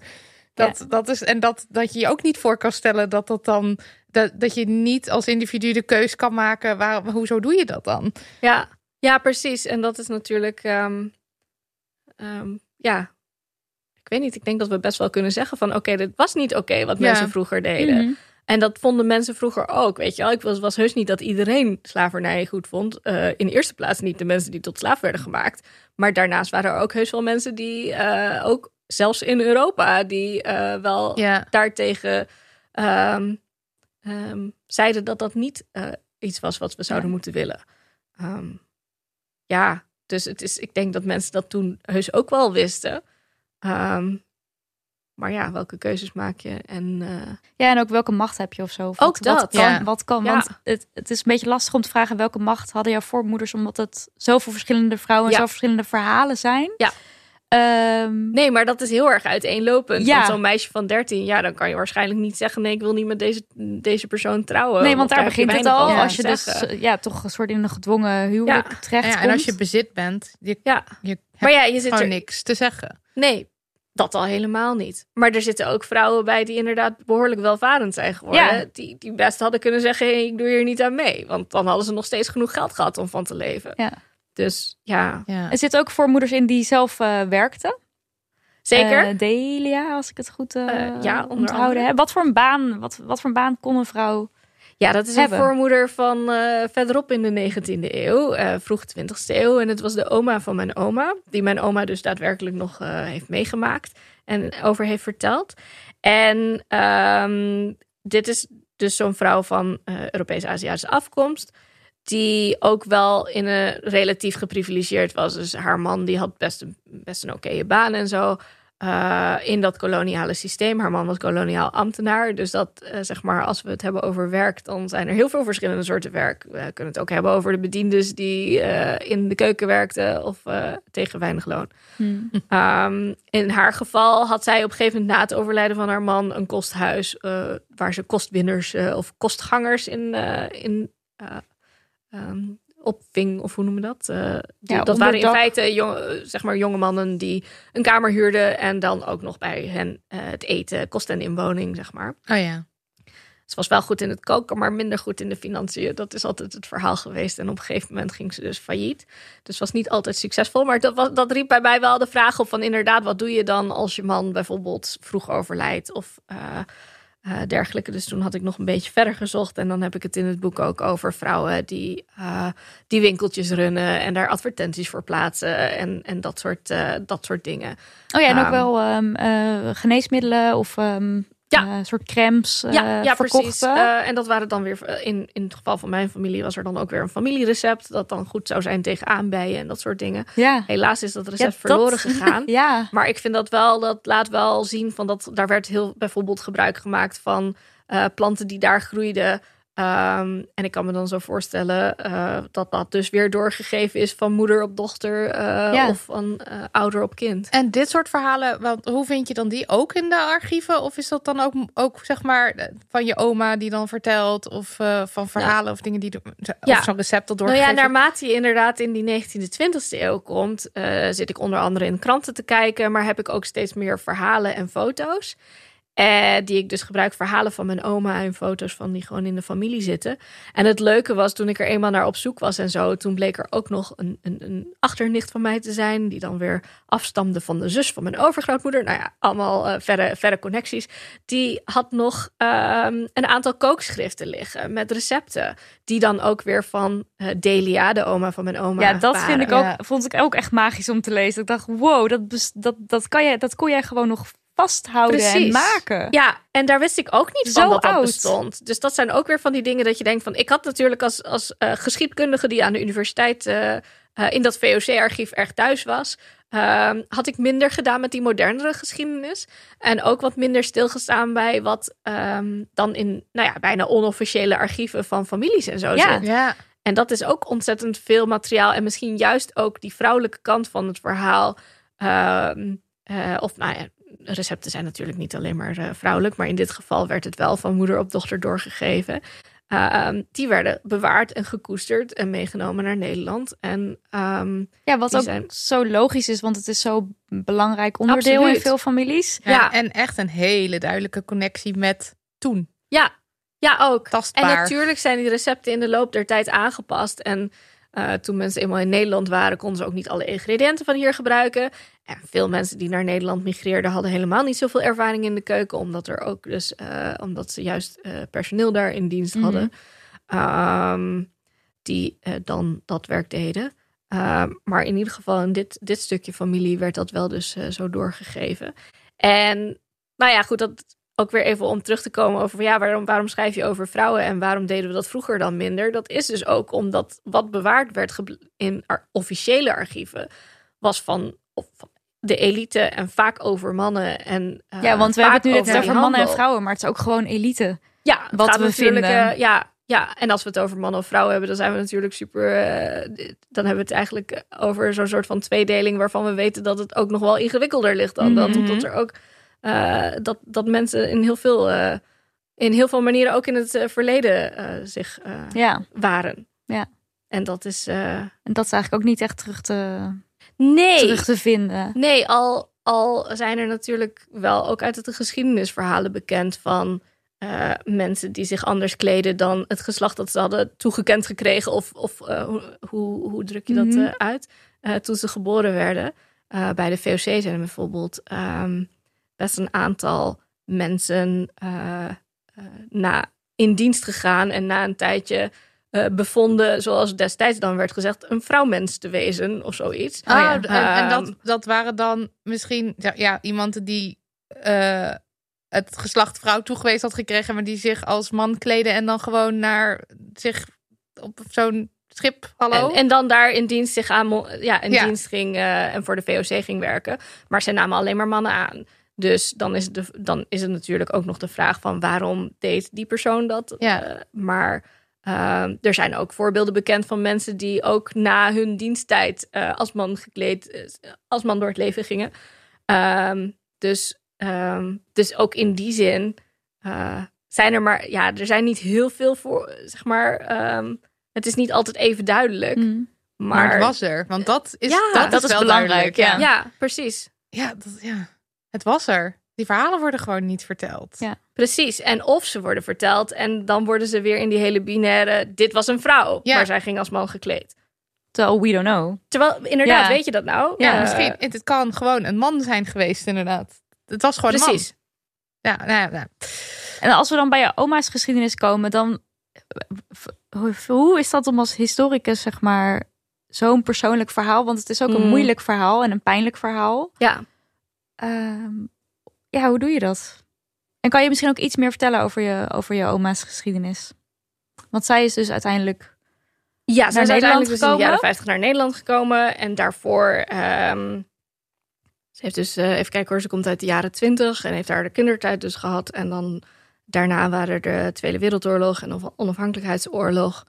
Ehm, tijdens de onafhankelijkheidsoorlog is ze nog een aantal maanden in een interneringskamp geweest. Wat veel gebeurde omdat mensen die geassocieerd werden met de Europese bezetter... het natuurlijk ehm, verbruikt hadden. Of dat hadden ze al eerder. Maar nu kwam dat eruit. En Ja, er dus kwam was het zo'n- gevaarlijk, voor, eh, gevaarlijk eh, voor hen. Een soort anti-Nederlands ehm, Sentiment. sentiment kwam, Ja, waardoor dat eigenlijk. sentiment was er natuurlijk al Ja, langer. maar dat was kwam er nu tot, tot uiting, eh, ja. t- op, op eh, veel duidelijker... eh, of, Ja, want je schrijft ook van in eerste instantie was het zo van: hey, ehm, ik heb een stukje Europese eh, voorvaderen, voorouders in me. Dat wil ik heel erg naar buiten laten zien. Als ik een combinatie van Aziatische euro en Mhm. euro ben. Maar toen was het opeens. Oh, maar we we hebben hier ook nog een Javaanse oma waar we nooit over Precies. gesproken. Ja. Maar die schuiven we Ja. nu naar voren. Want Ja. dat is nu misschien toch tactischer. Of Ja. ehm, Precies, voor die Indo-Europese groep, dus die men- mensen van zowel Europese als Aziatische afkomst, was het opportun om voorheen zich veel meer met die Europeanen te associëren. En later was dat juist, eh, keerde zich dat juist tegen hen. Ehm, En toen nou, werd het ook heel zo- gevaarlijk. ja, door zo Europees mogelijk te doen, hadden ze natuurlijk wel een bepaalde geprivilegeerde positie. mm, Uh, dus dat, uh, en dat is natuurlijk wel, weet je, zeker als je het over je oma hebt, dan, dan moet je daar ook over gaan afvragen van oké, en hoe verder deed zij dan mee aan Ja. dat oneerlijke systeem? Want daar, ja, Want daar zij was al ook in in. de dertig toen ze Ja. hierheen kwam. Hè? Dus Ja. het was ook gewoon een volwassen vrouw. Het is niet Ja. dat ze als kind hier, hierheen Nee. kwam. Nee, precies. Dus ze Dus kon dat- keuzes maken. Ja, en dat kan, ja, precies. Dus dat, ehm, dus dat zijn wel ingewikkelde vragen, zeker als het over je eigen familie gaat, die je Mm. natuurlijk een soort van eh liefdebelvolle band mee hebt. Maar ja, tegelijkertijd eh, blijkt dan inderdaad, of nou ja, dat, dat wist ik natuurlijk al een tijdje, dat die, eh, dat die mooie verhalen van haar verleden, dat die eigenlijk in, ja, deels, ja, in moet je feite de context mogelijk ook plaatsen. waren door die, die ongelijke maatschappij waarbij Ja. Eh, mensen op basis van eh, hun afkomst en kleur eh, werden uitgesloten. Ja. Of in ieder geval een, officieel ook een minderwaardige status kregen Ja. en minder rechten eraan eh, vast. Maar op het moment dat ze dan weer in dat kamp terechtkomt, dan is er bijvoorbeeld ook weer sprake van bijvoorbeeld seksueel geweld tegen vrouwen. Ja. En ja, keert het zich eigenlijk dus ook weer om. Want je bent eerst geprivilegeerd en dan zit je in een kamp, dus heel weinig eten. Ja, en ook, eh, als, zij was inderdaad geprivilegeerd, maar ze moest ook relatief vroeg van school. Ja. Dus zeg Ja. maar, eh, veel heeft ze niet geleerd. En daarin werd zij dan ook zeg maar gedwongen om te gaan werken. Dus eh, niet om te zeggen dat dat dan eh, een soort van het een het ander uitvlakt. Nee, we hoeven gewoon niet te doen alsof zij super mega de wereld aan de voeten lag. Maar tegelijkertijd had ze gewoon wel privileges. Ja. Toch? Dat is In gewoon, feite. Ja. Net zoals we dat Ja, bij dat het. iedereen zouden... Gewoon dat je dat bij jezelf altijd even af moet vragen. Waar zijn Tuurlijk. je privileges? Maar Ja, het is gewoon nooit, het is eigenlijk gewoon nooit zwart, vrijwel nooit zo zwart-wit. En de geschiedenis wordt denk ik vaak wel zo bekeken. Eh, ja, maar toen ze, ze Even kijken hoor. Ja, wij waren eh, inderdaad. Dus ze had die tijd in dat kamp. En daarna is ze nog. eh, daarna is ze getrouwd. Heeft ze kinderen gekregen daar ook. En ehm, was het dus, dus. jouw moeder heeft ze daar onder nog andere die mijn moeder. kinderen. Die, Ja. daar, die kinderen. Dat is inderdaad onder andere mijn moeder. Ja. En eh, uiteindelijk was dus het hen wel steeds duidelijker dat zij in die maatschappij op dat moment dat toch wel een moeizame toekomst voor hun en hun kinderen zagen. En toen zijn ze, eh, net als heel veel anderen, naar Nederland gekomen. En toen zijn ze eerst een jaar in een pension of ja, eh, opgevangen. Dat ze zeg maar met z'n vieren op een kamer. En dan andere mensen ook in het huis die daar werden opgevangen. Ehm, en daarna hebben ze uiteindelijk eh, een, een appartement, huur, huurappartement in Zwolle betrokken. En daar zijn, is eigenlijk de rest van haar leven gebleven. En hoe was de ontvangst? Of hoe keken de Nederlanders toen naar mensen? Ehm, ja, die was. d- ja, het is bijna zo. Het zijn natuurlijk verhalen die vaak verteld worden. Van dat was een vrij kille ontvangst. Mhm. Dus Oh, ja. Naoorlogs Nederland. eh, Herhaling van de geschiedenis. ja, ja.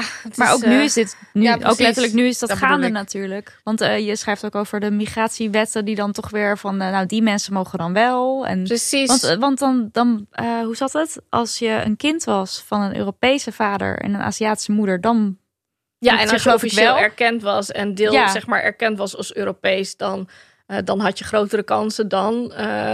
En als je, er waren natuurlijk zeker in de 20e eeuw ook veel mensen die in Nederland waren geboren, naar Indonesië of naar Nederlands-Indië, zoals dat toen genoemd werd, gingen om daar carrière te maken. eh, de oorlog meemaakten en daarna terug naar Nederland gingen. En die werden beschouwd als mensen die geworteld waren in Nederland. Ehm, Dus je je moest aan hele Zeg maar de specifieke witte, voorwaarden voldoen. eh, om... voor, voor de witte elite daar was het makkelijker nog weer om naar Nederland Ja. terug te komen. Omdat zij daarvan, zeg maar, letterlijk vandaan kwamen. En ehm, haar, haar leven in Nederland, of jullie, ja, ja, dat is wat jij je herinnert. Ja, nou ja, goed. Wij hebben goede warme herinneringen aan haar. Omdat ze dus eh, echt een fijne oma was. Die eh, eh, veel, ja, veel vertelde. En altijd, ja. Maar uiteindelijk, zeker op het moment dat zij vertelde... Toen ik student was, dus wat ouder en ze wat minder me probeert te beschermen voor lastige dingen die ze meemaakte, dan hoor je wel hoe lastig ze, hoe moeilijk ze heeft gehad in de jaren nadat ze in Nederland kwam wonen. Want het was echt ze kenden de taal, want dat was ook de taal waarmee die ze gewend waren daar te spreken. Onder andere naast uh, Maleis. Um, maar verder wist ze helemaal niks, want haar hele familie kwam van uh, daar en uh, generaties lang. Dus, en een heel groot deel van de familie is mee naar Nederland gemigreerd. Dus in die zin hadden ze daar, onderhielden ze de meeste warme banden mee, sociale banden mee. Maar daarmee werd het ook weer moeilijker om denk ik, om, ja, om connecties te, te maken van, de, van ja. met Nederlandse ja, en er mensen kwam, er kwam ook iemand langs die dan kwam vertellen van dit is hoe je een goede huisvrouw bent. Ja, klopt. Dat werd Dat dan vanuit de overheid Ja. eh, gedaan. Van dit hoor je te koken en dat eh, zo hoor je my te doen. En dat was dan inburgerings... bedoeld eh, inderdaad om vrouwen verder te helpen en, eh, en zo. Maar dat viel uiteraard niet altijd in goede aarde. ja. Wat ook weer ontzettend superieur is natuurlijk.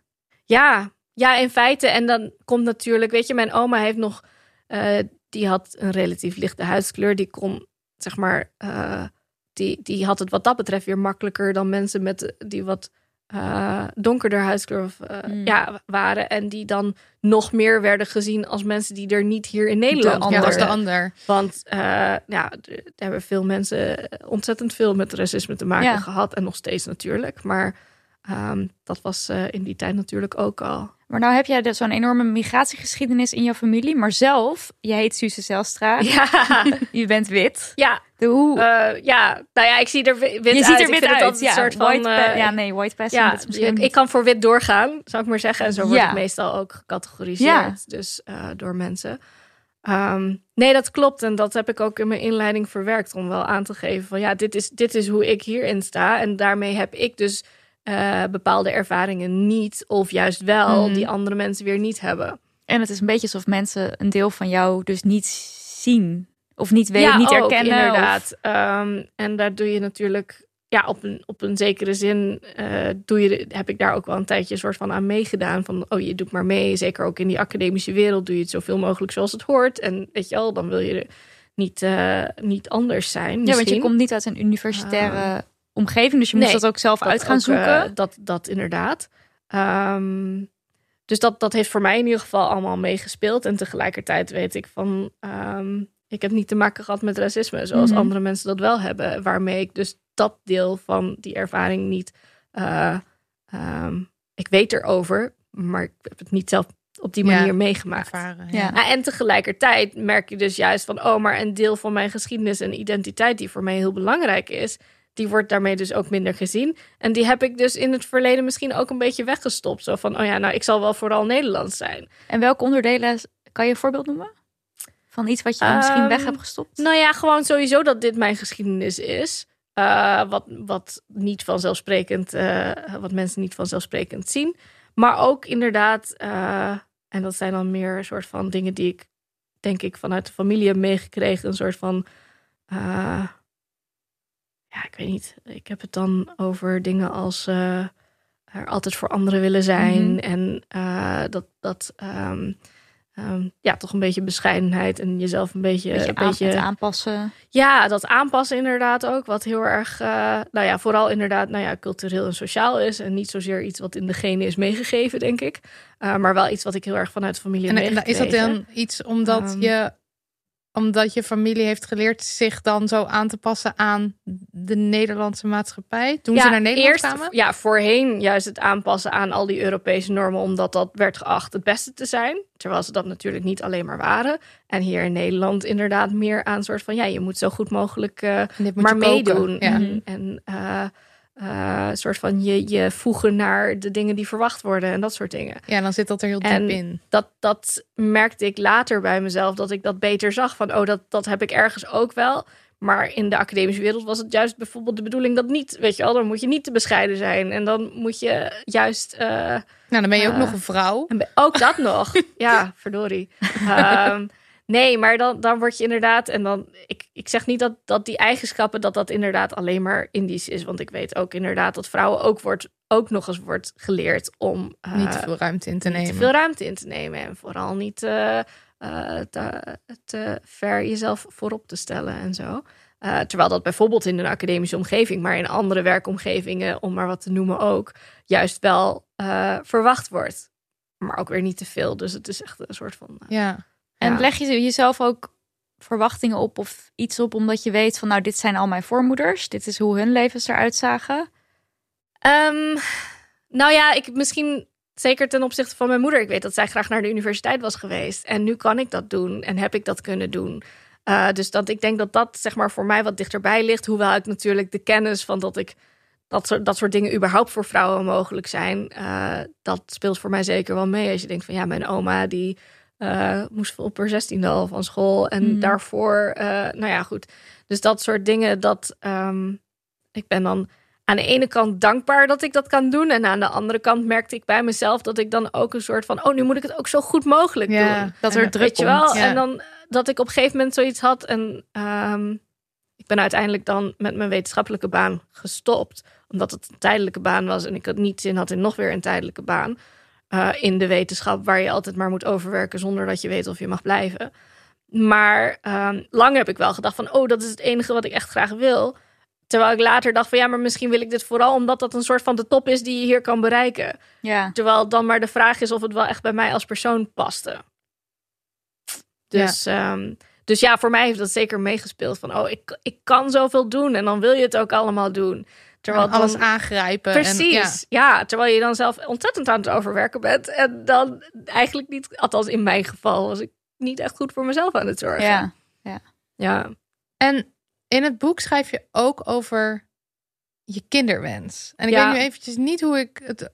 Ten, tenzij, ik, weet, Ik heb wel een mooie, mooie quote. Terwijl ik van alles in mijn leven heb wat voor mijn voormoeders niet mogelijk was, hadden zij juist dat wat ik graag zou willen, maar niet lijkt te kunnen krijgen. Ja. Kinderen. Ja. ja. Dat maakt ook wel weer dat de titel van het boek wordt op die manier... krijgt echt nog een laag. Ja. Ja, en ik heb er natuurlijk. Ik bedoel, ik had dit stuk geschreven over dat ik inderdaad graag eh, zwanger eh, wilde worden. En dat speelt trouwens al jaren dus. dus ehm, ehm, en dat dat dus niet lukt. En ik had het geschreven en ik dacht van ja, dit moet erin. En later dacht ik over wat doe ik mezelf aan? Want dat is natuurlijk niet iets waar mensen makkelijk over praten. Ik ook niet. Ja, je Ehm, het toch maar zo. Je legt het zomaar de hele wereld in. Ja. Ja. en aan de andere kant voelde het voor mij ergens ook wel een soort van bevrijdend. Zo van, dan is het er maar uit, weet je wel. En dan, dan hoef je niet aan iedereen dat opnieuw te gaan... Of nou, niet opnieuw, maar aan iedereen te vertellen. Want het is wel iets wat natuurlijk... ehm, zelfs als, of misschien omdat het er dus niet is... is het iets wat een heel grote rol speelt in mijn leven. Maar over, met veel mensen heb je het er niet echt over. Dus dan lijkt het van, oh, het gaat allemaal maar goed met jou. En je hebt een mooi dit. En het gaat goed met je werk. En het gaat goed met dit en dat. Maar dat is dus ehm, in feite... eh, het, er gaan heel veel dingen goed met mij. Maar eh, dit is ook dus een niet. groot ding. Precies. Niet, ja. Ja, dus ik vond het wel belangrijk om dat er dan in te stoppen. Ook omdat ik denk van, ja, het zou goed zijn als meer mensen erover praten. En Ja. eh, dit is natuurlijk heel erg vanuit mijn verhaal van, eh, ehm, zeg maar, ik ehm, ben getrouwd met, eh, eh, samen met een man. eh, en we hoeven dus, zeg maar, op het moment dat wij, weet ik veel, vijf jaar geleden dachten van, goh, wij, zouden graag kinderen willen, was het nog relatief makkelijk, want dan stop je met de pil. En ik weet dat er met natuurlijk ook nog heel veel andere verhalen zijn van mensen die graag kinderen willen en andere, met andere dingen rekening moeten houden. Ehm, dus wat dat betreft is het natuurlijk ook maar één verhaal. Maar ik dacht van, nou ja, goed, het is in ieder geval. Het gaat, deze hele familiegeschiedenis is zo persoonlijk dat het Ja. ook wel goed is om dit er dan ook in te stoppen. Mede omdat ik daadwerkelijk iemand ben die denkt van ja, maar kinderen krijgen is niet het enige wat iemand waardevol maakt. Mhm. Maar ehm, Dat is dan nu nou juist wel net het punt waarop jij ja, denkt, oh, eh, nou ja, die keuze heb je dan dus niet. En daar Nee. waar je ook schrijft over wel of geen keuze hebben, eh, of, of inderdaad de vrouwen, de moeders wel of geen keuze hadden, om, of ze kinderen wilden Ja. of niet, dat, dat je het gevoel hebt, ja, ik leef nu en ik heb die keuze dan misschien, en dan heb je dat niet. Ja, Ja, en dat is ook heel. Ja. Nee, die maakbaarheid is heel ingewikkeld. En ik weet dat daar. eh, dat, dat, eh, dat er uiteenlopende mogelijkheden zijn die er al eh, ja, een aantal decennia bijvoorbeeld geleden niet waren. Eh, of decennia, of misschien eh, eeuwen geleden. Maar ook voor mij is dan de vraag van oké, wat, wat is daar dan voor mij persoonlijk en voor mijn man, mijn man haalbaar qua ehm, hoeveel zet je daar, hoeveel wil je daarvoor doen en zo. Um, dus dat zijn allemaal ingewikkelde vragen die natuurlijk niet allemaal besproken kunnen worden in het boek. Maar ehm, ja, het was, het was voor, voor mij wel een deel van het verhaal. Ja, het is heel. Ik vond het een heel mooi soort van mooie eindoverpeinzing of zo om te benoemen. Dank. Omdat het zo, ja, nee, het maakt het verhaal heel mooi rond en het raakt heel erg. Dank je. Dat, eh, dat is fijn om te horen. En eh, wat moeten wij echt weten van die tijd wat nu niet in het collectief geheugen zit? Eh, Ja, een goede vraag. Ik denk dat ja, die slavernijgeschiedenis, dat is toch wel, denk ik, wel iets eh, wat gelukkig steeds meer bekend wordt. Dat dat in Azië ook eh, in VOC-gebied eh, door, door onder andere Europeanen, heus niet uitsluitend, maar ook werd bedreven. Ehm, en ehm, dat dat in omvang toch wel vergelijkbaar was. In ieder geval qua hoeveelheid verhandelde mensen door ehm, Nederlanders. In omvang vergelijkbaar was met de transatlantische slavernij. Uh, en daar is ook ontzettend veel onderzoek nog naar te doen. Maar Ja. alleen al dat gegeven. Ik wist het vroeger niet hoor. Uh, Ik ook niet. Dat, uh, en een tweede ding wat ik denk ik ook een beetje op de achtergrond van het boek af en toe probeert te laten zien, is hoe er dan zelfs in de VOC-tijd ook opstanden waren tegen, tegen die Nederlandse aanwezigheid. En dat men toen al vond van. Dat, echt? dat, eh, ja, dat, dat inderdaad eh, de oorspronkelijke bevolking of verschillende heersers daar ook al. ehm, ehm, dat, dat niet iedereen zich er zomaar bij neerlegde. En ik denk Dat, dat toch dat wel zo geschetst toch wordt wel vaak. een beetje zo geschetst wordt Ja. van oh de VOC kwam daar en wilde graag handel drijven en oh, toen waren er opeens eh, toen waren er opeens een paar vestigingen toen was Batavia gesticht zonder überhaupt over die veroveringen te praten en over het geweld Ja. dat daarbij kwam kijken dat één en dan is het inderdaad vrij on, eh, eh, ongecompliceerd eh, de Nederlanders waren daar Ja. ik weet dat ik het nu een beetje soort van makkelijk schets. Maar voor mij was dat ook wel iets wat ik, ja, waar ik me ook steeds meer bewust van ben geworden. Van, oh, maar toen waren er al allerlei oorlogen om de Nederlanders daar weer weg te krijgen. Ja. En dat is later ook natuurlijk gebeurd en uiteindelijk gelukt. Ehm, maar dat lijkt me wel belangrijk als we Ja. daar wat meer bewust van worden. Mooi boek om toe te voegen aan de, aan de hoe zeg je dat? De kanon van de dingen, Ja. de dingen die Ja. de mensen moeten Mm. weten en lezen. Je schrijft dat je de zoektocht begon om zelf bij te dragen aan de, geschiedschrij- de geschiedschrijving. Dus nou, de andere perspectief te geven. Maar ook om meer te begrijpen van je eigen plaats in het grotere geheel. En dan heb ik nog een quote. Hoe pas ik in die Nederlandse geschiedenis van migratie en koloniale macht? Die geschiedenis van buitensluiting. Wat is mijn antwoord op de vragen die ik altijd op de achtergrond speelde in de familieverhalen die ik meekreeg? Waar kom je vandaan? Waar hoor je thuis? Heb je hier antwoord op weten te vinden? Of Hmm. een soort van antwoord? Nou ja, misschien is inderdaad het boek in zichzelf al een antwoord. Dat is een beetje een makkelijk antwoord natuurlijk. Eh, om hier te geven, bedoel ik. Nou, lees het Ehm, boek dat ja. sowieso. Nou ja, weet je, uiteindelijk in die, eh, bij mij speelde ook een beetje de vraag van, oh, in hoeverre kan je jezelf dan nog Indisch noemen? Ook omdat ik er inderdaad uitzie zoals ik eruit zie en eh, mijn naam en, en dergelijke. Maar door dat boek heen dacht ik van, oh, maar deze geschiedenis heeft me wel gevormd en die is wel belangrijk voor mij geweest. En ik ben misschien Indischer dan ik dacht. Of eh, ja, dat, eh, dat je toch wel meer dingen van jezelf er ook in herkent en zo.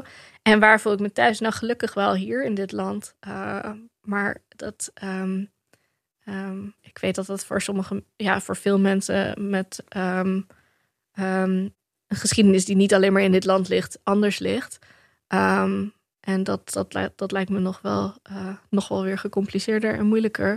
En, ehm, en, maar tegelijkertijd geeft het dan ook weer wat extra's. Van dat je niet alleen maar hier. eh, Nou ja. Nu kom ik niet helemaal goed meer uit mijn woorden. Maar ja, waar hoor je thuis? Ik denk dat ik hier thuis hoor, maar wel met die geschiedenis erbij. Ja. En dat het gewoon Ja. voor er mag. eh, En dat ja, en dat dat ook inderdaad en- hier mag zijn. En eh, dat het goed is om daar een plek voor eh, te geven en meer over te leren ook. Mooi. Dankjewel. Nou, de voormoeders is nu eh, overal te krijgen. Koop het. De, Lees de, de het. fysieke boekhandel, de digitale boekhandel. It's everywhere. Dus ehm, get your hands on it.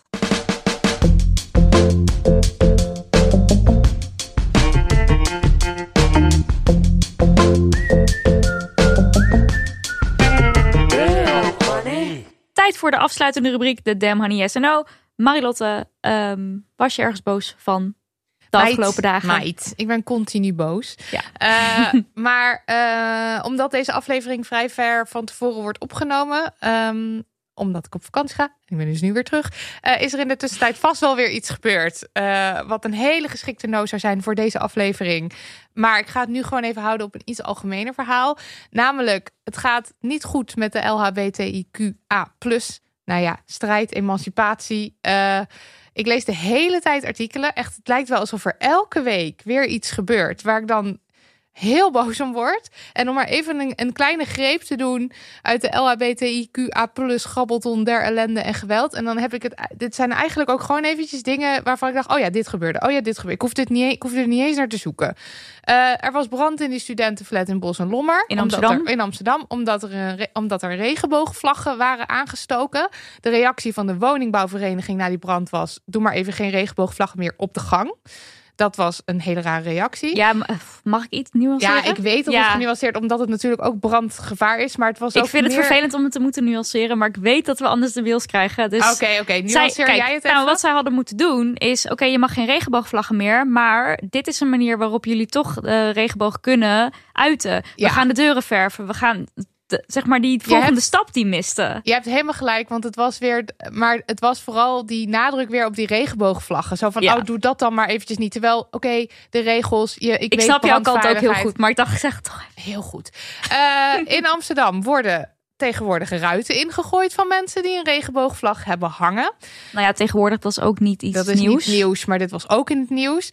Eh, er werd een gevel van een sportschool in Rotterdam beklad eh, met eh haatdragende leuzen en er werd brand gesticht. gesticht. En de eigenaar van die sportschool was de oprichter van de Roze Kameraden. En dat is een Feyenoord supportersvereniging van LHBTQIA-plussers.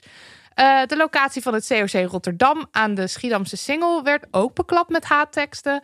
Nou, de 14-jarige Frederik werd deze zomer belaagd en in elkaar geslagen omdat hij geen antwoord wilde geven op de vraag: ben je een jongen of een meisje? Dat gebeurde deze zomer, hebben we het over gehad.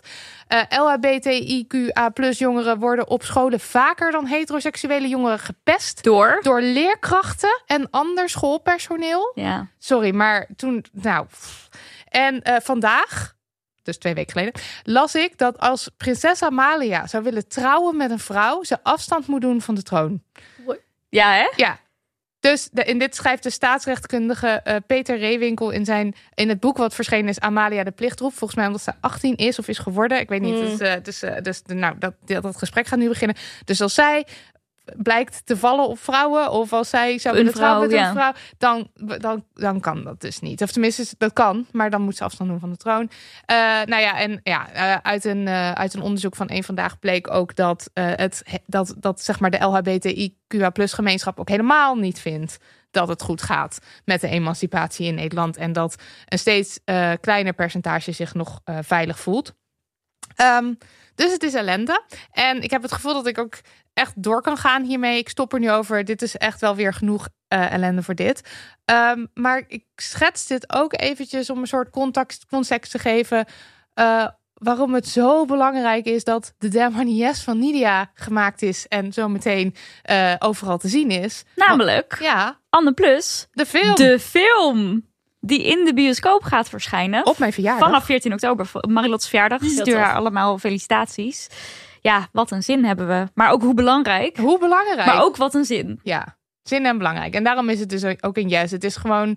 het- het- Zouden er mensen zijn die Anne Plus niet, nog niet kennen? We, we, Doe we- wij zijn kleine- erg eh Anne Plussig. Wij zijn heel erg Anne Plusserig. Uh, Anne Plus gaat over, de, over Anne. En eh, Anne is, ik weet trouwens niet hoe oud ze is in deze film. Een maar in de- twintiger. in- ja, is ze nu nog steeds een twintiger? Weet ik niet. Ja, denk wel. het wel. Ik denk dat ze in eerste instantie zo 21, 22, zo net een beetje zo... Net, net, net aan eh, eh, jong student is en dan nu wat ouder. Ja. En er zijn al twee seizoenen. Dus als je, denk, als je denkt, eh, god, ik wil dat nu zien. Ik heb er nog nooit van gehoord.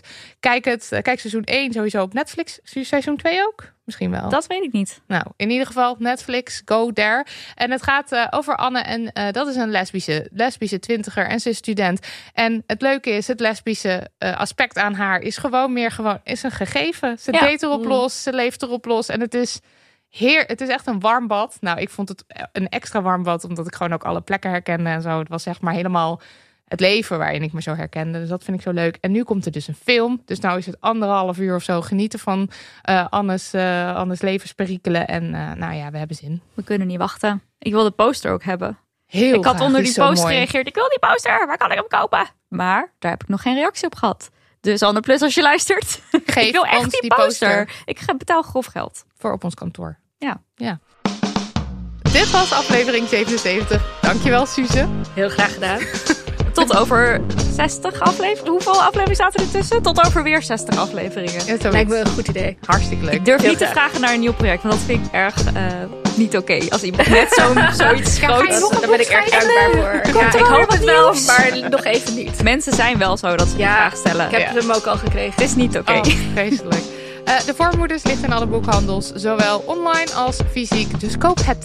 Koop het. Lees het. Nou, bedankt luisteraar ook. Love Ja, you. Love you. Eh, Daniel van de Poppen, love you ook. Thanks voor de edit. Lucas de Gier, love you ook. Heerlijk, die muziekjes. En Lisbeth Smit, love you ook. Wat een fijne website. Vertel vooral aan je vrienden, familie en het bakkertje op de hoek dat Damn Honey echt een fantastisch leuke podcast is. En steun ons op petje.af slash damhoney voor extra special bonus content. Of niet. Zelf weten. Doei! Dag, schatten.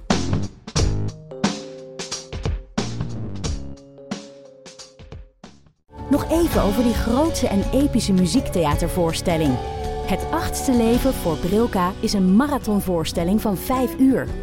Koop je tickets voor deze bijzondere theateravond via oostpol.nl.